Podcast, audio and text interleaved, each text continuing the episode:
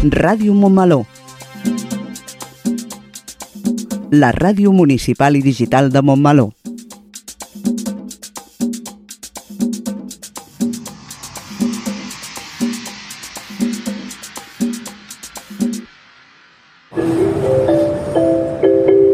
Propera parada, Montmeló.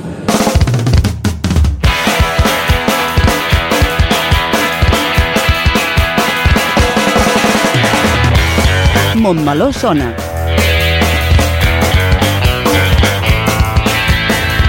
El magazín informatiu de Ràdio Montmeló.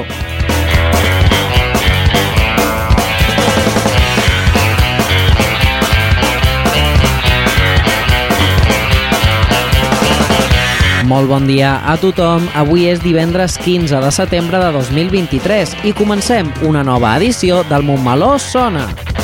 Programa número 82. El passat dilluns 11 de setembre, Diada de Catalunya, Montmeló es va llevar amb una devastadora notícia. Parlem de la mort de quatre joves en un atropellament de tren, per la qual Montmeló va decretar tres dies de dol.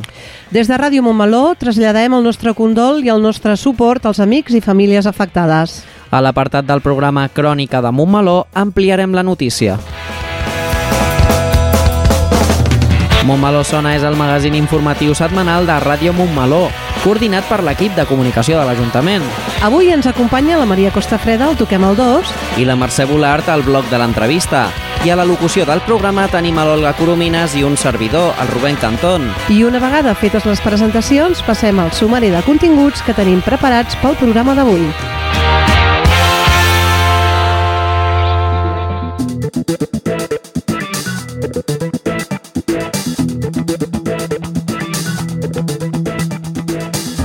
Comencem amb el Toquem el 2. La Maria Costafreda entrevista al Marc Lloret, director del Mercat Música Viva de Vic. Seguirem amb el nostre espai informatiu Crònica de Montmeló, on farem un repàs de l'actualitat del nostre poble. Després farem una ullada a l'agenda d'actes que podem trobar els propers dies a Montmeló. I acabem amb la Mercè Volart, que entrevistarà a l'Aurora Jordan, exjugadora de la selecció espanyola de futbol femení. I com ja sabeu, tot això i alguna cosa més és el que trobarem al Montmeló Sona d'avui 15 de setembre de 2023.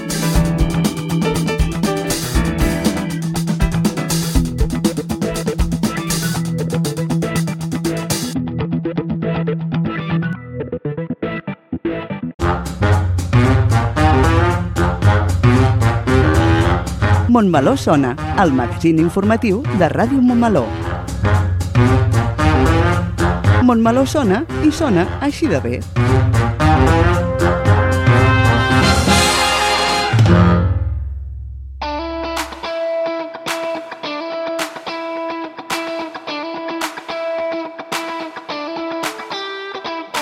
Iniciem el Toquem el 2 amb més recomanacions culturals i d'oci d'arreu de Catalunya. Aquesta setmana volem marxar cap a la capital de la comarca d'Osona, on des del 13 fins al 16 de setembre té lloc el Mercat de Música Viva de Vic en la seva 35a edició. El Mercat de Música de Viva de Vic és un punt de trobada professional del sector de la música.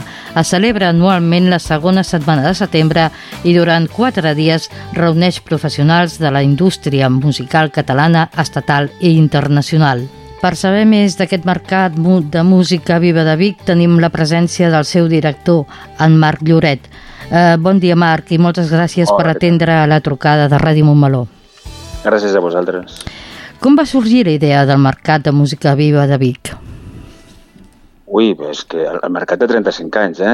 Aleshores, la, la idea evidentment no va ser meva perquè jo només em porto eh, 12-13 anys, porto la direcció artística, però pel que em consta va ser una proposta que va arribar a l'Ajuntament de Vic i va ser una proposta que venia una mica influenciada per eh, l'experiència de la Fira de Teatre del carrer de Tàrrega i va arribar una proposta de gent del sector, doncs això, proposant fer, un, fer una cosa similar a la que es feia a Tàrrega, doncs, doncs fer-la a Vic.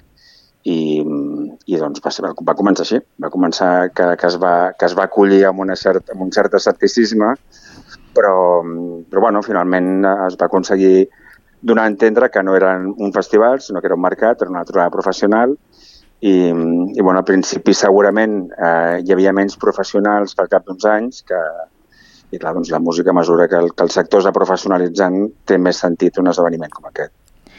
Quin balanç hi feu quan ja ha arribat a la seva 35a edició?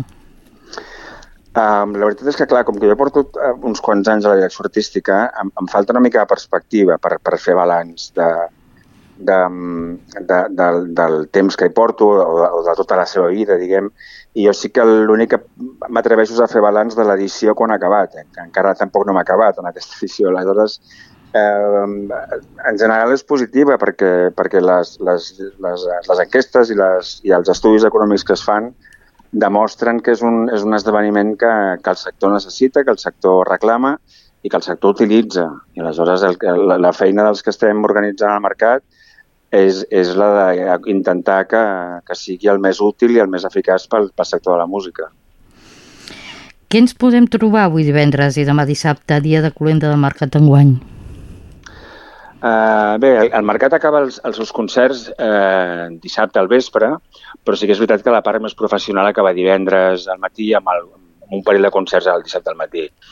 Um, aquesta tarda i aquesta nit uh, hi haurà bastants concerts. De fet, és el dia que més concerts hi ha perquè hi ha els, els que tenen lloc al, a l'Atlàntida, al teatre i a l'auditori de l'Atlàntida, hi ha la Sala 3 i la Carpa, i a part també comencen els escenaris de Plaça Major i Sucre, Aleshores, diguem que hi haurà molts concerts per tothom. Hi haurà la possibilitat de veure a la plaça Major d'en Peralbo, Marala o Masoni, i després, pel, pels que vulguin acabar més tard, hi haurà Balkan Paradise Orquestra i de Tiets a l'Espai del Sucre. I si algú s'atreveix a veure coses que, que no coneix, doncs podrà veure des de un quartet belga que es diuen Tocant, que fan música instrumental eh, molt inspirada en la música electrònica. Podran veure el nou treball de la Meritxell Nederman, o també es podrà veure l'estrena del nou disc de la preestrena del nou disc de Carapella. Um, vull dir que hi ha diverses propostes per veure, també hi haurà propostes com els mexicans La Vida Mia o la italiana Ginevere, hi ha propostes d'arreu i de, de gèneres molt diferents també. Eh, què els diries, Marc, als montmelonins i montmelonines per tal que visitin Vic i el seu mercat de música viva? Doncs que, que, doncs que s'animin a venir, que, que mirin, que entrin a la web, que, que és eh, que investiguin una mica el que queda de, de cap de setmana de programació i que s'acostin a Vic, perquè a part de, de tot això que estem dient, també hi ha escenaris eh, diguem, més improvisats a, a diferents placetes, carrerons i cantonades de, de la ciutat que fan que durant el cap de setmana al mercat eh, Vic, vull dir, sigui, sigui un, un, un, un espai meravellós per la música en directe. Doncs sí, serem a Vic eh, per tal de viure la música en directe en el mercat eh, de música viva de Vic. I moltes gràcies, eh, Marc, per la teva presència a la ràdio municipal de Montmeló. A vosaltres, moltes gràcies. Us esperem allà. I serem. Avui serà un dia perfecte.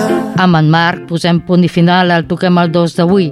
Us esperem el proper divendres amb més recomanacions. Bon cap de setmana. Per la finestra i el teu somriure em diu molt més que totes les paraules i esmorzarem tranquil·lament mentre es fon la rosada passejarem fins al vespre deixant l'atzar guiar-nos les hores passant dolçament. Quan ets aquí al meu costat la llum de l'alba escampa els seus colors tenyint el cel i els núvols. Avui serà un dia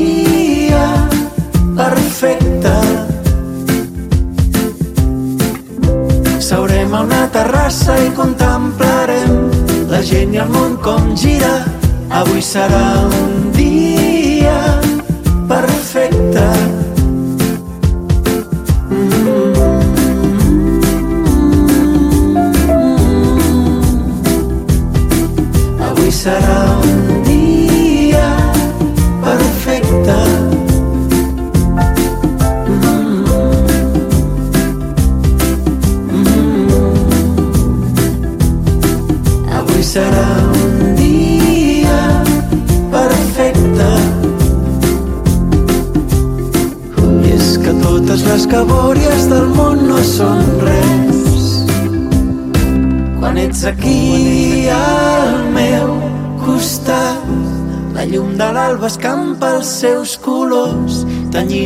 i els núvols. Avui serà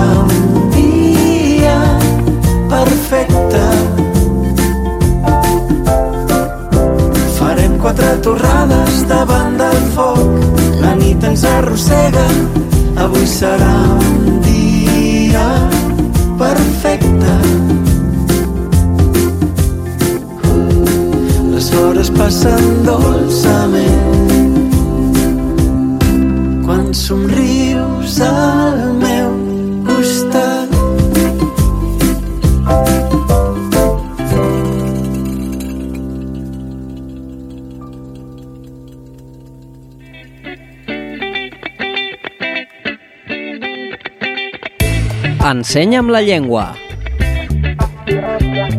Un programa de l'oficina de català amb Susana Corxo. El tercer divendres de cada mes a les 5 de la tarda. Ei, vinga, som-hi ja. És el moment de fer el pas. A casa, a la feina i al carrer. Quan anem de festa o al taller. Parla'm amb el. Només hem de començar. Va, provem-ho en català. Tu per mi i jo per tu. I quan vulguis tots plegats. Molt per parlar, molt per Provem-ho en català. Molt per parlar, molt per viure. Generalitat de Catalunya. Sempre endavant.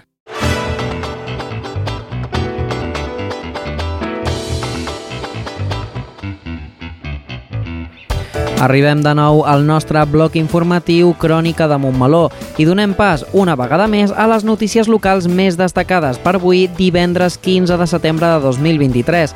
Aquest és el sumari pel programa d'avui. Una diada marcada per la trista notícia de l'accident mortal a la via R3 al seu pas per Montmeló. Aposta per les xarxes com a mitjà per cercar feina. Dilluns 25 de setembre, nova renovació del DNI a Montmeló. El Consell Comarcal vol contractar 10 joves en pràctiques durant un any. S'inaugura la seu del Centre d'Oncologia Radioteràpica del Clínic Barcelona a Granollers. Comença un nou curs i l'estació jove obre les portes amb més ganes que mai. A més de les notícies, us parlarem sobre els actes previstos a partir de demà, dissabte i fins diumenge 24 de setembre.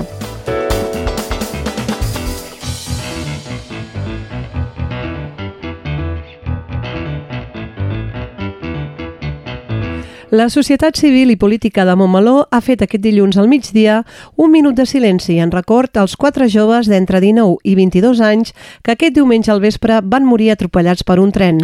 La plaça Rafael Casanova ha estat el lloc on dilluns 11 de setembre es va dur a terme l'homenatge en forma de minut de silenci per les quatre víctimes de l'accident de diumenge a l'R3 dins del terme municipal de Montmeló. Els actes protocolaris i polítics de la Diada Nacional de Catalunya a Montmeló s'han suspès i a dos quarts de dotze s'ha realitzat una ofrena floral en silenci de les diferents entitats socials i grups polítics del poble. Des del moment de l'accident, l'Ajuntament i la ciutadania de Montmeló ha rebut el recolzament de tota la societat política i de tots els cossos de seguretat.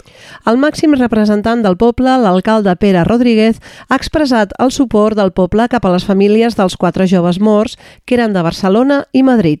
L'acte d'homenatge a les víctimes del tràgic accident va estar presidit per totes les autoritats polítiques locals i pels diferents cossos de seguretat, policia local i Mossos d'Esquadra, així com per un nodrit grup de representants polítics de l'Estat i de Catalunya, encapçalat per la ministra de Transports, Raquel Sánchez. L'acte ha comptat amb la presència de la presidenta del Parlament, Anna R., del conseller de Salut, Manel Balcells, del delegat del govern de l'Estat a Catalunya, Carlos Prieto, o de l'alcalde de Parets, Francesc Juzgado, entre d'altres.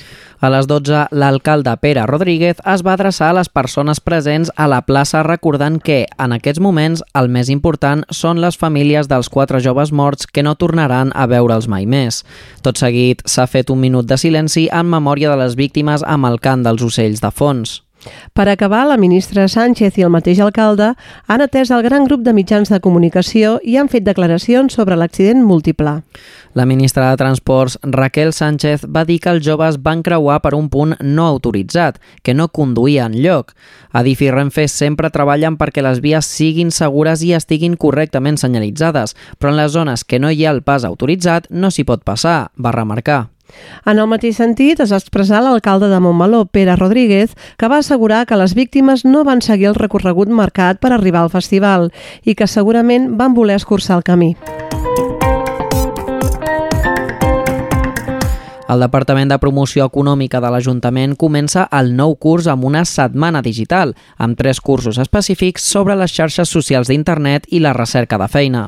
El Centre de Formació i Recursos G2M de Montmeló acull durant el mes de setembre tot un seguit de serveis i cursos formatius gestionats pel Departament de Promoció Econòmica al voltant de les tres xarxes més interessants del moment per cercar feina, Twitter, Infojobs i LinkedIn. Aquestes quatre sessions es duran a terme entre els dies 18 i 29 de setembre. A dilluns 18 de 9 del matí a 1 del migdia tindrà lloc la xerrada sobre Twitter i com denominar els aspectes bàsics d'aquesta eina social per tal que sigui útil per cercar feina. L'endemà, dia 19, de 9 del matí a 2 del migdia, serà el torn de la xerrada sobre la plataforma d'Infojobs. I per finalitzar es faran dues sessions sobre LinkedIn, la gran eina per excel·lència de relació laboral i professional d'Internet. També seran pel matí, de 9 a 13 hores, els dies 25 i 29 de setembre. Amb aquestes quatre sessions es busca donar a conèixer detalladament els diferents apartats de les tres plataformes digitals i optimitzar el perfil professional i personal de cadascuna de les persones que assisteixin a les sessions formatives. Qui estigui interessat en alguna o en totes les xerrades pot posar-se en contacte amb el departament a través de l'extensió 142 del telèfon 93 572 0000 per correu electrònic promoec arroba momalo.cat o de manera presencial a la G2M al carrer 9 número 34. Els cursos estan subvencionats per les persones inscrites en el Servei Local d'Ocupació de Montmeló i per assistir-hi s'ha de tramitar la inscripció prèviament. Recordem també que el departament compta, a més a més, amb espais continus a la mateixa G2M, com són l'espai de recerca de feina, el servei d'hora express i els cursos d'informàtica bàsica. Tots aquests serveis estan sempre assessorats per l'equip de professionals de promoció econòmica. Per tal de gaudir del servei d'obtenció o renovació del DNI a Montmeló, els veïns i veïnes interessades han de concertar cita prèvia per les dates fixades per l'equip mòbil de la Policia Nacional que es desplaça a Montmeló per efectuar el tràmit. La persona titular del DNI haurà de compareixer obligatòriament en la data indicada per realitzar el tràmit dues vegades, un dia per aportar la documentació i un altre per escollir el nou document. El servei d'obtenció o renovació del DNI és una prestació que ofereix la Policia Nacional a diferents poblacions. Destacar que aquest servei està adreçat a totes les persones del municipi i especialment a persones amb mobilitat reduïda que no poden desplaçar-se a les comissaries de la policia. Les dates a tenir en compte per a aquesta nova renovació són del 12 al 18 de setembre es donaran números a persones grans i amb mobilitat reduïda en horari de 8.30 a 13.30 hores. El lliurament de números i la renovació es farà a l'Ajuntament. Del 19 al 22 de setembre es donaran números a la resta de la població fins a exaurir-los en horari de 8.30 a 1.30 del migdia. El dilluns 25 de setembre ve la Policia Nacional a fer els DNI. Imprescindible presentar la documentació dient i el dia 2 d'octubre cal passar a recollir el nou DNI.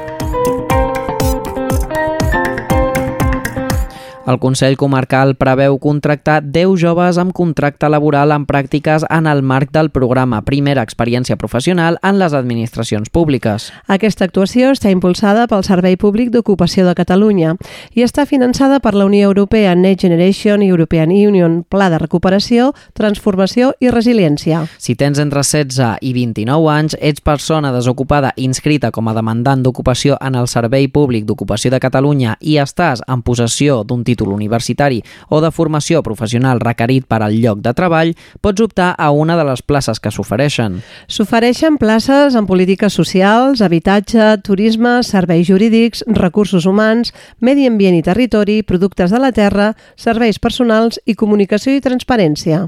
El termini per presentar les candidatures acaba el 21 de setembre. El programa incentiva la contractació en pràctiques de joves en formació per millorar la seva ocupabilitat amb l'adquisició de les aptituds i les competències derivades de la pràctica laboral i afavorir, d'aquesta manera, la seva incorporació al mercat laboral de forma estable i duradora en el temps. L'objectiu és que les persones joves desocupades adquireixin, en el si dels serveis prestats a les administracions públiques, les primeres experiències en l'ocupació, així com competències i habilitats socials i professionals. El contracte de les 10 persones és per a un període de 12 mesos i està condicionat a la resolució d'atorgament per part del Servei Públic d'Ocupació de Catalunya. Dimecres 13 de setembre s'ha inaugurat l'edifici satèl·lit de l'Hospital Clínic Barcelona, situat en uns terrenys del Centre Hospitalari de Granollers, per donar atenció d'oncologia radioteràpica als pacients dels hospitals de la C-17, Consorci Hospitalari de Vic, Fundació Privada Hospital Asil de Granollers, Fundació Sanitària Mollet i Hospital de Sant Celoni.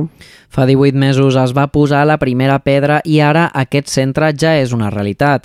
Un projecte que ve de lluny. Fa 5 anys es va signar un acord entre la Fundació Privada Hospital Asil de Granollers, l'Hospital Clínic de Barcelona i l'Ajuntament de Granollers, amb el suport econòmic de la Diputació de Barcelona per la construcció de l'edifici. Un centre que millora la qualitat de vida i el benestar de les persones usuàries, més pròxim i més còmode. L'objectiu d'aquesta nova instal·lació és apropar el tractament amb radioteràpia als pacients dels hospitals situats a l'eix de la C-17, hospitals de Vic, Granollers, Sant Celoni i Mollet, que evitarà més de 16.000 desplaçaments anuals. El nou centre d'oncologia radioteràpica, que compta amb 1.500 metres quadrats, disposa d'equipaments de darrera generació per administrar els tractaments, en totes les seves especialitats. Destaquen dos acceleradors lineals d'alta energia que permetran oferir tractaments avançats d'alta precisió i un TAC per a la preparació i planificació dels tractaments, que incorpora un sistema 4D per a l'adquisició del moviment respiratori i de consultes externes per visitar els pacients. Es preveu que es prestarà tractament a 1.000 pacients cada any. Del projecte arquitectònic destaca la innovadora distribució dels espais, que possibilita una futura ampliació de l'edifici i la integració amb l'entorn i el recinte hospitalari. Es tracta d'un edifici eficient i té una marcada empremta ecològica, ja que la generació de fred i calor de l'edifici en un 95% de l'any és per geotèrmia i s'aprofita al màxim la coberta per captació fotovoltaica. L'estació jove ha obert les seves portes de nou després d'un període estiuenc, que s'ha emprat per actualitzar el projecte i oferir un servei millorat als i les joves del municipi. D'aquesta manera, els i les joves trobaran a l'equipament juvenil municipal de referència un espai segur i confortable en el que els professionals del servei podran atendre les seves inquietuds i necessitats, així com oferir-los un espai d'oci i reunió juvenil. L'estació jove compta amb aquest curs amb una parella dinamitzadora i una parella d'educadors de carrer que permetrà obrir l'àmbit d'educació al medi obert, amb l'intenció de fomentar la participació activa i oferir alhora una atenció integral. A més, aquest curs s'amplia la dedicació de l'espai d'acompanyament emocional, que té per objectiu vetllar pel benestar dels i les joves. El jovent podrà gaudir de l'estació jove i la seva programació especialitzada de forma general de dimarts a diumenge de 16.30 a 20.30, amb dos dimarts i un cap de setmana de tancament mensual, els quals s'aniran comunicant als usuaris trimestralment en funció del treball en xarxa del servei amb d'altres esdeveniments municipals. L'acompanyament emocional tindrà el seu espai els dimecres, també de 4.30 a 8.30 de la tarda. D'altra banda, l'estació jove també serà present a l'esbarjo de l'Ins Montmeló tots els divendres. Estigueu atents i atentes a les xarxes socials, arroba estació jove, i no us perdeu tot allò que aquest trepidant curs que acaba de començar us depara.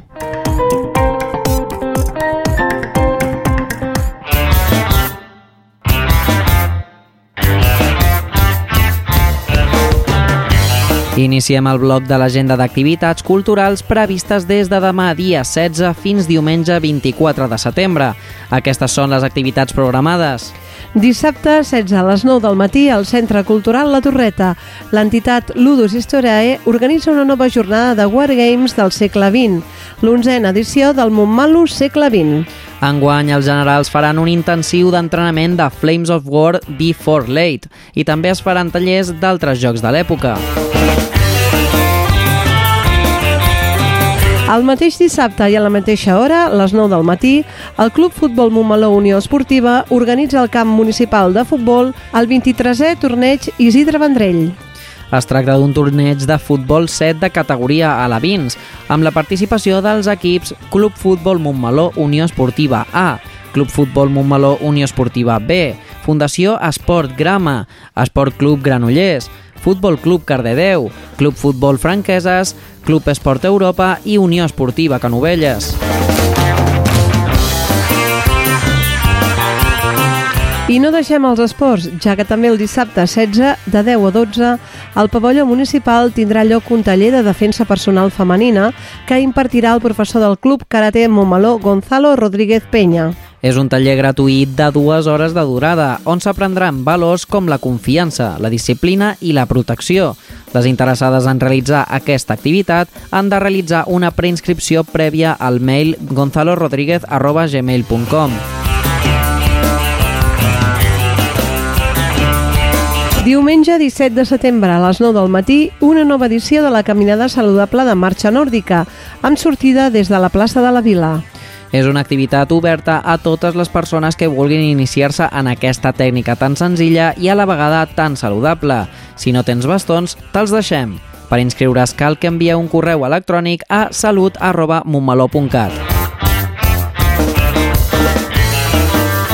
I també diumenge, dia 17, a partir de les 11 del matí, Mons Observants obre les seves portes. Vine a conèixer un dels jaciments romans més importants a la península Ibèrica. Visita lliure de 11 a 14 hores. Divendres 22 a les 6 de la tarda a la biblioteca, una nova sessió de Bibliolab. Crea, innova, experimenta. La gent del taller, sota el títol Smartphone fet a mà, us proposa poder-vos construir el vostre propi mòbil, escollint les aplicacions que més us agradin i fent servir la imaginació. Activitat adreçada a infants a partir dels 6 anys, amb places limitades. Cal inscripció prèvia a la biblioteca i teniu de temps fins al dia 20 de setembre. Diumenge 24 de setembre, l'Associació Clàssic Club Montmeló organitza la desena trobada de vehicles clàssics. A partir de les 9 del matí, en el polígon al Pedregà, trobaràs una àmplia exposició de vehicles clàssics, tant de cotxes com de motos, parades i estants de compra-venda i servei de bar amb brases per poder gaudir d'un bon esmorzar, tot acompanyat de música en viu. Del 12 al 30 de setembre, el museu reobre les seves portes amb l'exposició El primer pas. Es tracta d'una mostra pictòrica de la momalonina Núria Fontanet. Un viatge introspectiu que ens permetrà conèixer la seva visió personal del món i de l'art. L'horari per visitar és de dilluns a dijous de 10 a 14 hores i els divendres de 17 a 20 hores. Doncs això és tota la informació municipal que teníem pel dia d'avui.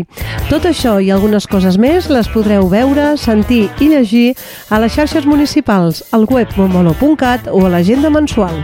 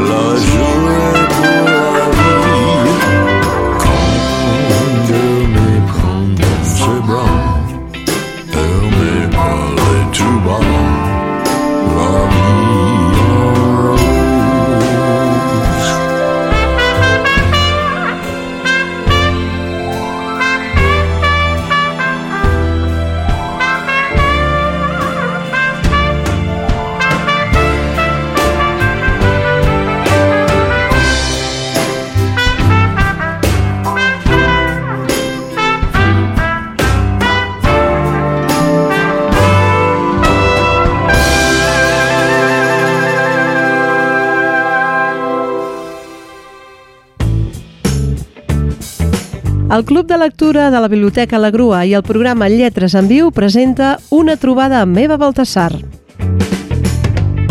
Comentarem amb l'autora la seva novel·la Boulder, guanyadora del Premi Òmnium Novel·la 2020 i finalista del Premi Booker Internacional. Divendres 29 a les 8 de la tarda a la Biblioteca Municipal La Grua de Montmeló. L'entrada és gratuïta. T'imagines un lloc on descobrir, on explorar? Un lloc on llegir, aprendre i compartir? Tot això i molt més a la teva biblioteca. La Diputació de Barcelona i els ajuntaments posem al teu servei 228 biblioteques i 10 bibliobusos per apropar-te a la cultura i el coneixement. bibliotecavirtual.diva.cat Diputació de Barcelona.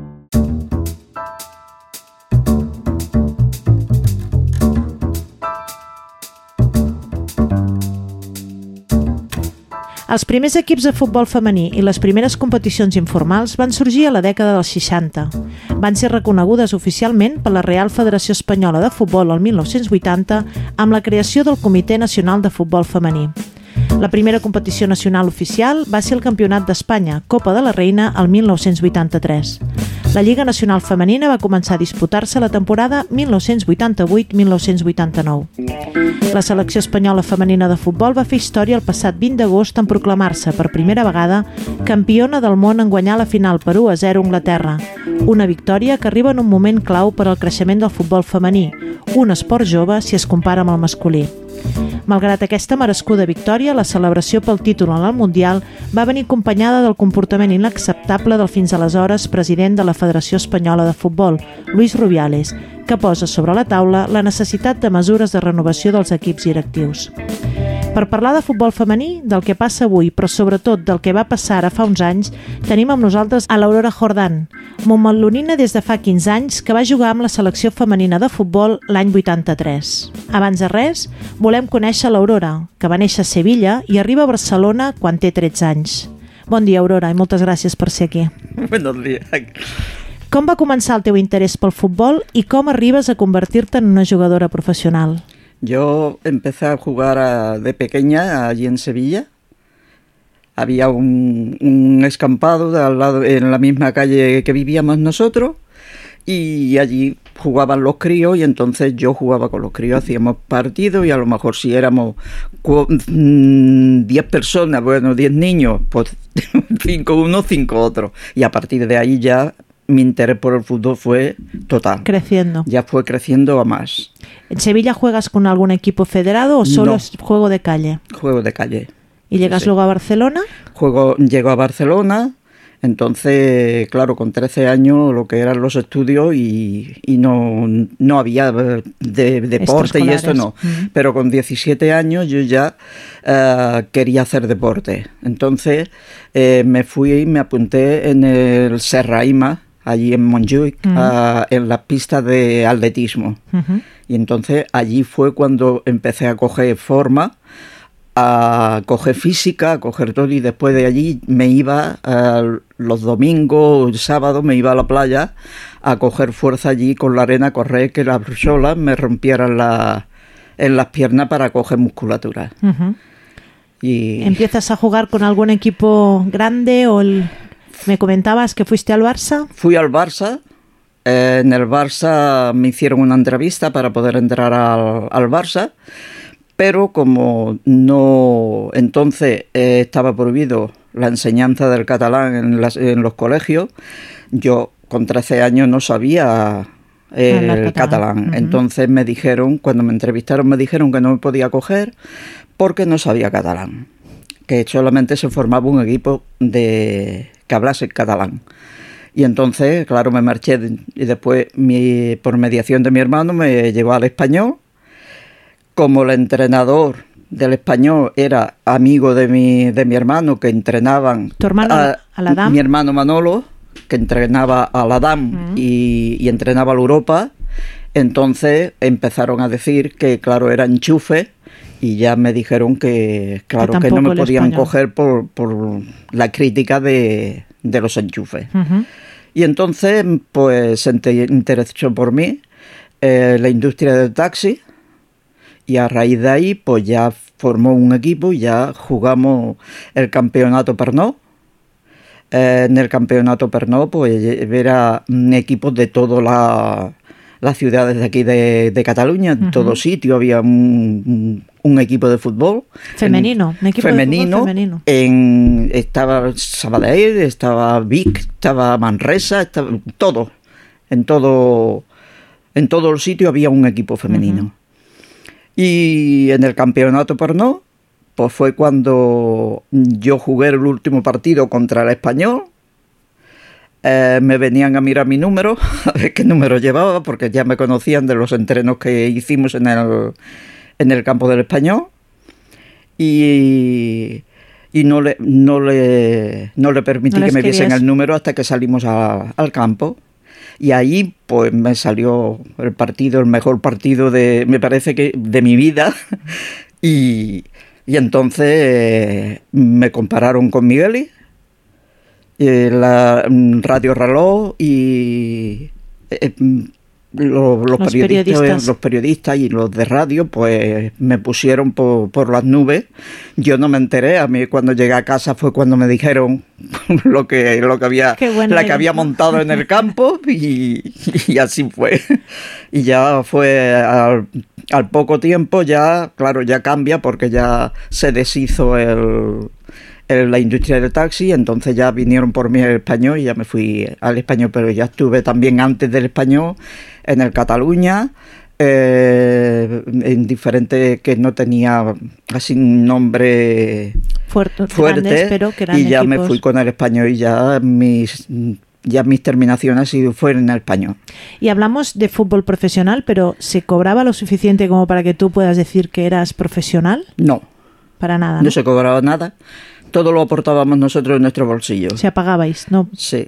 Eh, siendo del español inclusive, eh, no nos daban camisetas, no nos daban vestimenta. Nosotros en el campo que entrenábamos teníamos que pagarlo. Eh, si cuando jugábamos un partido teníamos que pagar al árbitro, to- todo lo pagábamos de nuestro desplazamiento, todo, todo de nuestro bolsillo. Cuando decía lo de la Copa de la Reina, creo que has hecho un gesto porque te suena esto de la Copa de la. Reina. ¿Qué pasó? La, jugué, la jugamos, la jugamos, lo jugamos en Tarrasa, ahí, perdón, en Tarragona, allí jugamos, fue un, un, un torneo muy bonito, mucha lluvia, pero muy bonito, y, y esto, claro, eh, fue, eh, costó mucho, costó mucho conseguir que diesen la autorización la reina para celebrar cam- eh, Para la Copa de la. Reina. Pero mucho. La política influyó. Ya. Entonces, eh, algunas de, la- se- de diferentes equipos se, se unieron y entonces el... ¿cómo, cómo se llama? El García, ¿cómo se llama el... ¿Periodista? El periodista. José María García. José María García. Ujú. Fueron a José María García y por gracias a José María García ayudó a que, A que se pudiera jugar, se pudiera el- jugar la, Copa, de la Reina. La siguiente pregunta que havíamos preparado. L'esport femení ha anat avançant en visibilitat en els darrers anys, però quan vas començar tu no era tan freqüent que les noies volguessin dedicar-se al futbol professional.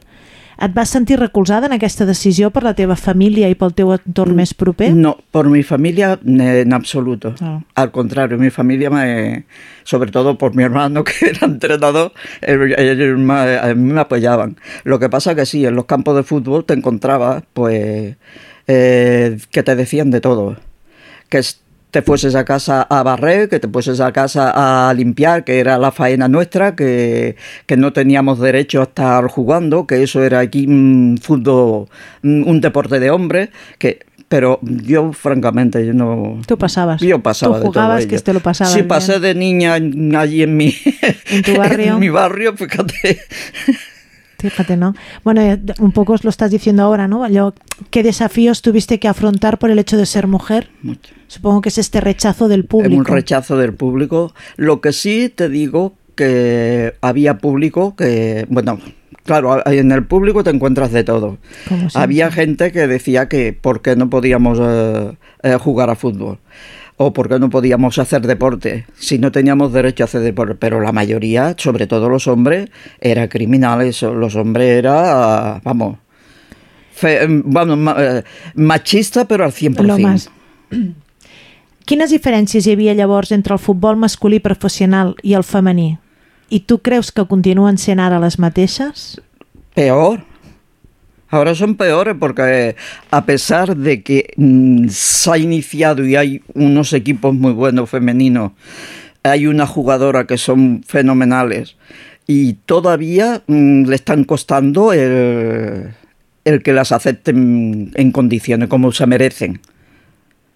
Porque eh, no es normal que eh, una pers- un equipo eh, esté jugando, esté luchando, sea, el, sea de donde sea, da lo mismo, ahí no, no equivale. Y que todavía hayan personas que, que critiquen a las Que mujeres. lo pongan en duda, ¿no? Exacto. A mí me preguntaban si sabía, bueno, no me, no me han llegado nunca a preguntar eso, porque yo si hubiese respondido mal. Vaja, vaja. Con la forma de ser mía, Igual t'ho pregunten una vegada, però la segona ja s'ho repensen més, no?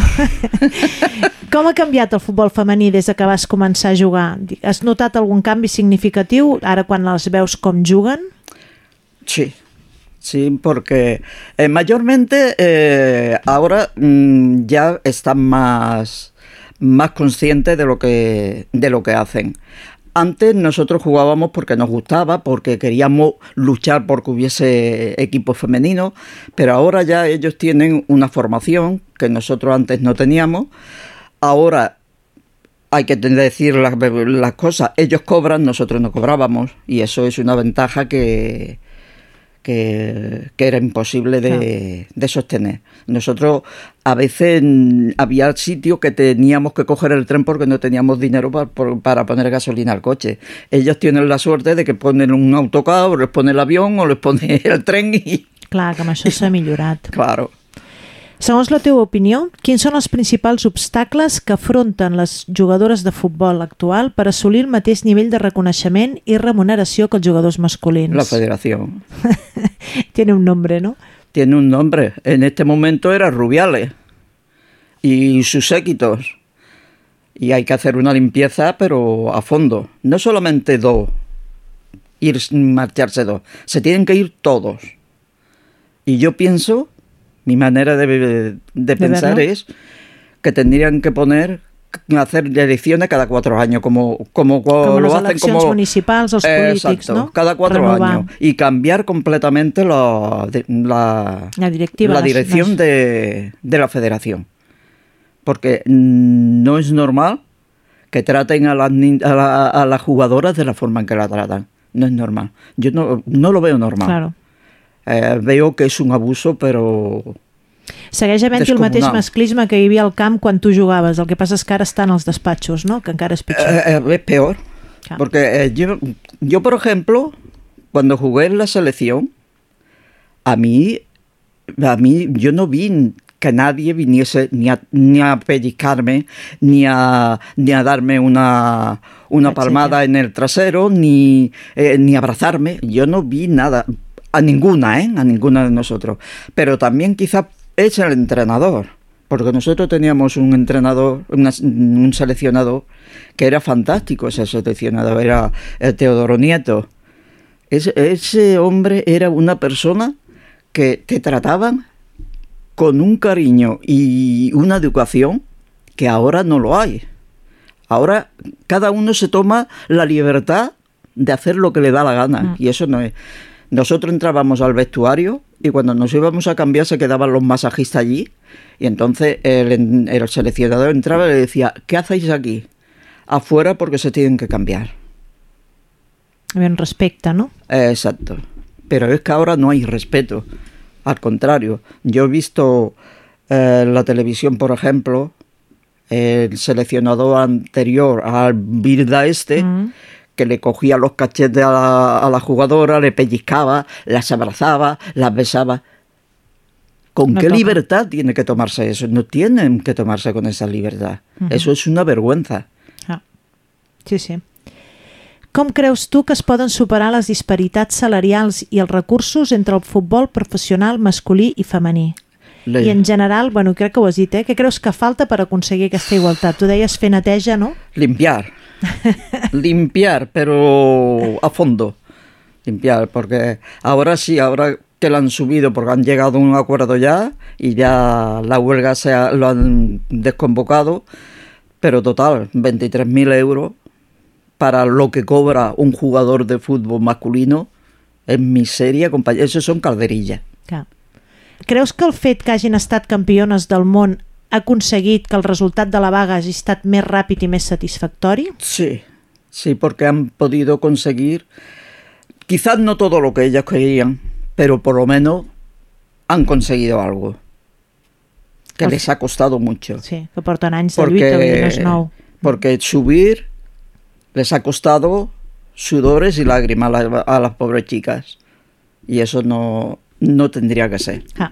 Porque mira cómo no hay eh, problema para subirle lo- los sueldos a los hombres. Y en cambio a ellas sí. Ningú regateja, no? En canvi, amb elles exacte. estem aquí que s'han hagut, bueno, han hagut de plantar-se per poder aconseguir. El futbol ens regala moments extraordinaris, experiències esportives inigualables amb grans victòries, com ha estat el recent triomf del Mundial de Futbol Femení, però també imatges amargues a nivell de valors.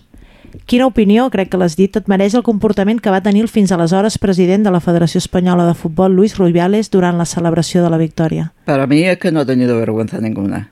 Ya empezando por ahí. Ni amb el en la petó, tribuna, ni després, ni no? estando en la tribuna, con una princesa de menor de edad y una reina, lo que hizo, y después en el campo, cuando, cuando le estuvieron poniendo la- las medallas de oro a, la- a las A les jugadoras. No ha tenido respeto ninguno y encima tiene la poca vergüenza de intentar culpar a, A la jugadora. a, la juga- a las jugadoras. Entonces, todavía tiene más, más talento, todavía tiene más... I el que li ha costat deixar el càrrec, no? Perquè portem Coleuron Rubiales uns quants dies fins que... Lo ha dejado cuando mm, Jennifer Hermoso ha puesto la demanda. Sí. Si no, todavía estaría. Sí, sí, esperant tornar. Pero es que la, humilla, la ha querido humillar tanto que no hay derecho que tenga que humillar a una jugadora. No, li ha sortit el tret per la culata, no? Perquè tothom s'ha afegit al carro Geni, clar, vull dir que, és que era bastant... Però al principi, encara que sortien les veus més favorables amb ell, Sí, sí. s'han anat com calmant, que, i Claro, llavors ell s'ha vist igual sol. que, igual que el seleccionador, yo te hablo del seleccionador de los hombres, masculino.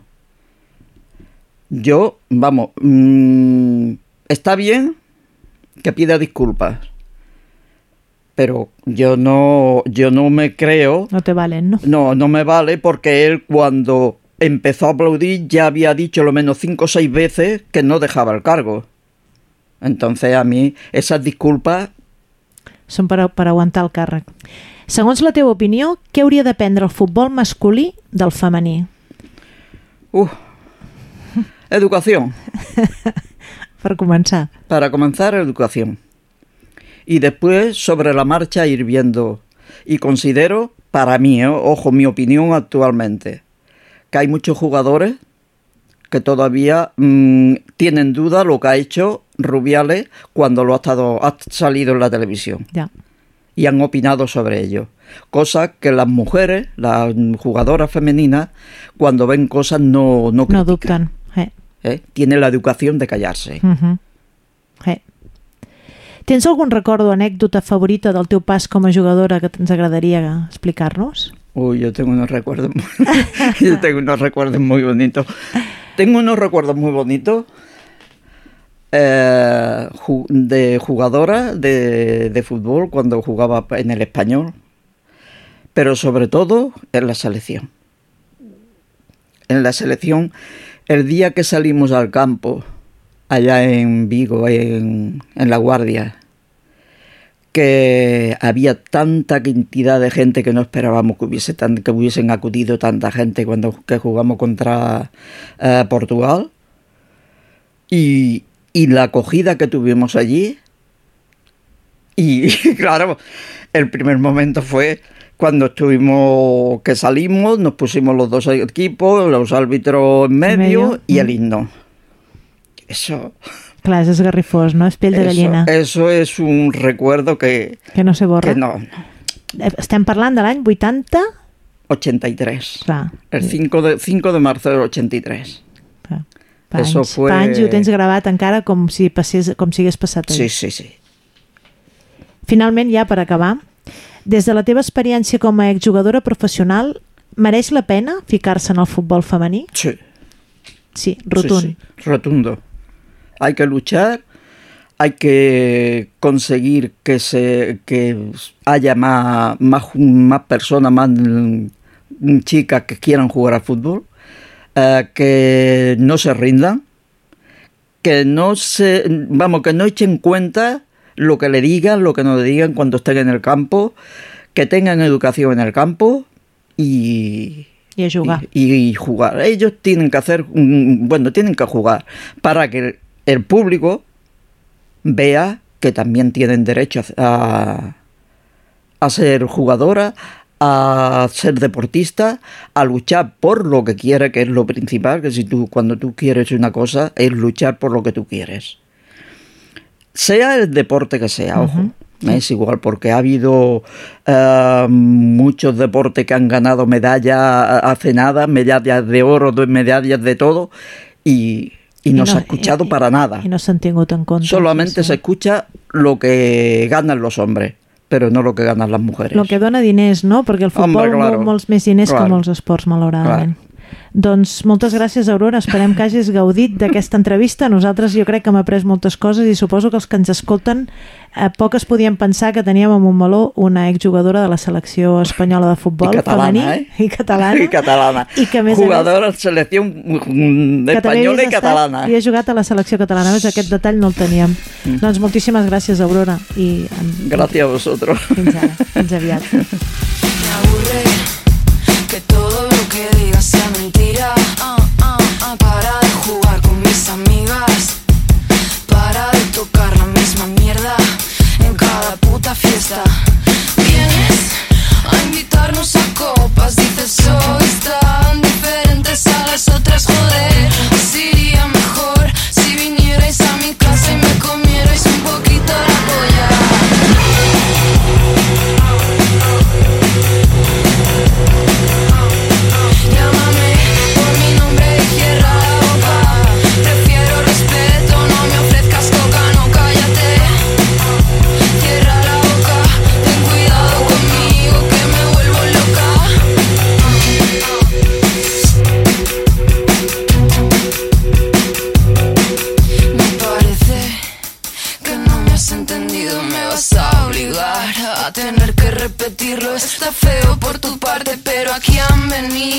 Las zorras que más odias a gritártelo al oído.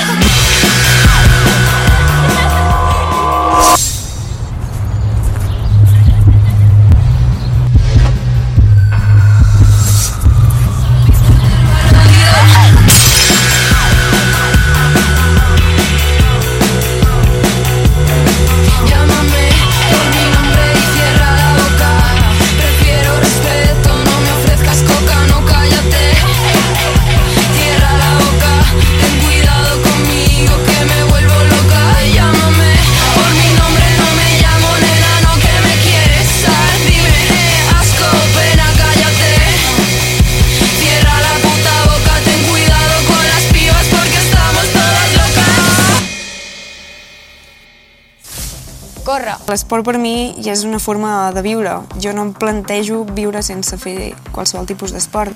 Desconnexió.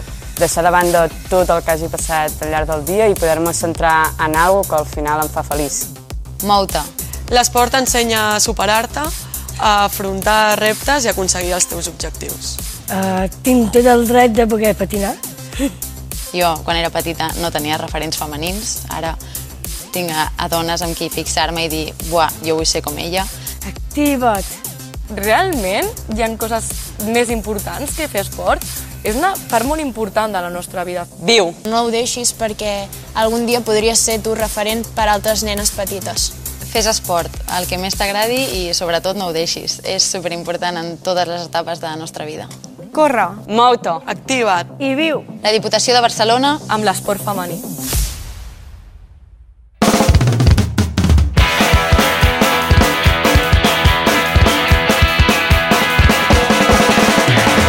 I amb tot això marxem, però com ja és costum, us volem recordar que podeu contactar directament amb l'emissora si teniu qualsevol idea, suggeriment o opinió, mitjançant el nostre correu radiomo.momolo.cat o a través del telèfon i WhatsApp 637 150 702. Molt bon cap de setmana a tothom i tant si el passeu de festa major al nostre poble veí com si passeu pel Mercat de Música Viva de Vic, teniu en compte que Montmeló tornarà a sonar divendres 22 de setembre de 2023 a les 12 hores.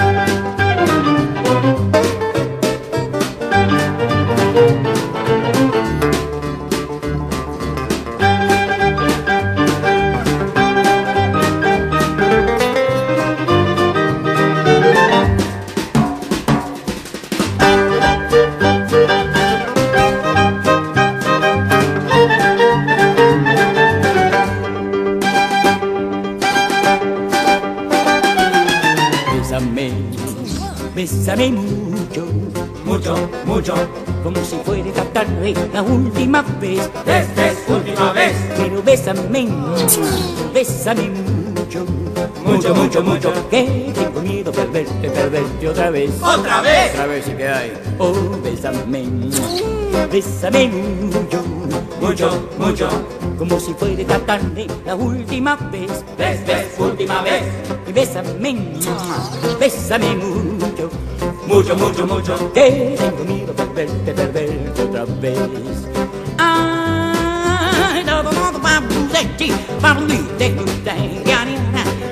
No, no, de barrio di ti. Pa, pa, no, no, no, no, da, pa, pa, la, la, la, la. Bésame, bésame mucho, mucho, mucho, como si fuera esta tarde la última vez. Esta es última vez. Pero bésame, No. bésame mucho, morochazo. Nada, nada, nada. Que tengo miedo a perderte, perderte otra vez. No va más.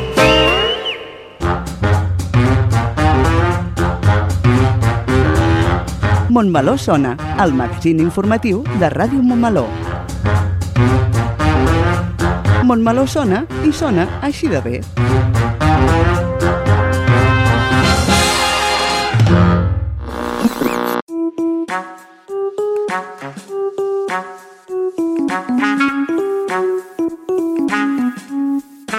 Ràdio Montmeló.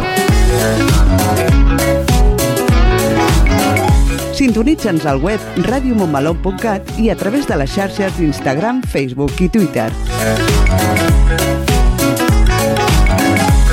Ràdio Montmeló, la ràdio municipal i digital de Montmeló.